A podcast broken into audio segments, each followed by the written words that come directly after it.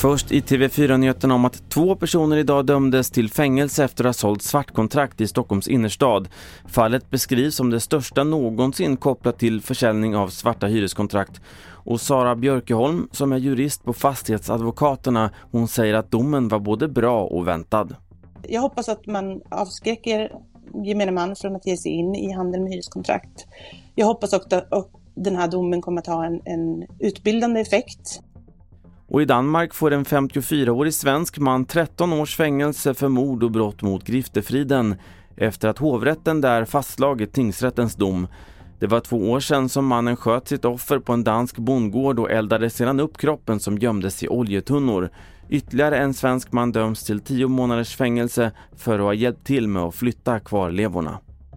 Sist om att det nu klockan tre utlovas banbrytande resultat kring rymden.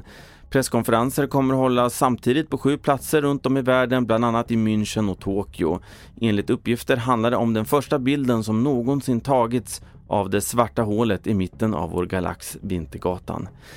Senaste nytt om det här och annat på tv4.se. Jag heter Carl-Oskar Alsen.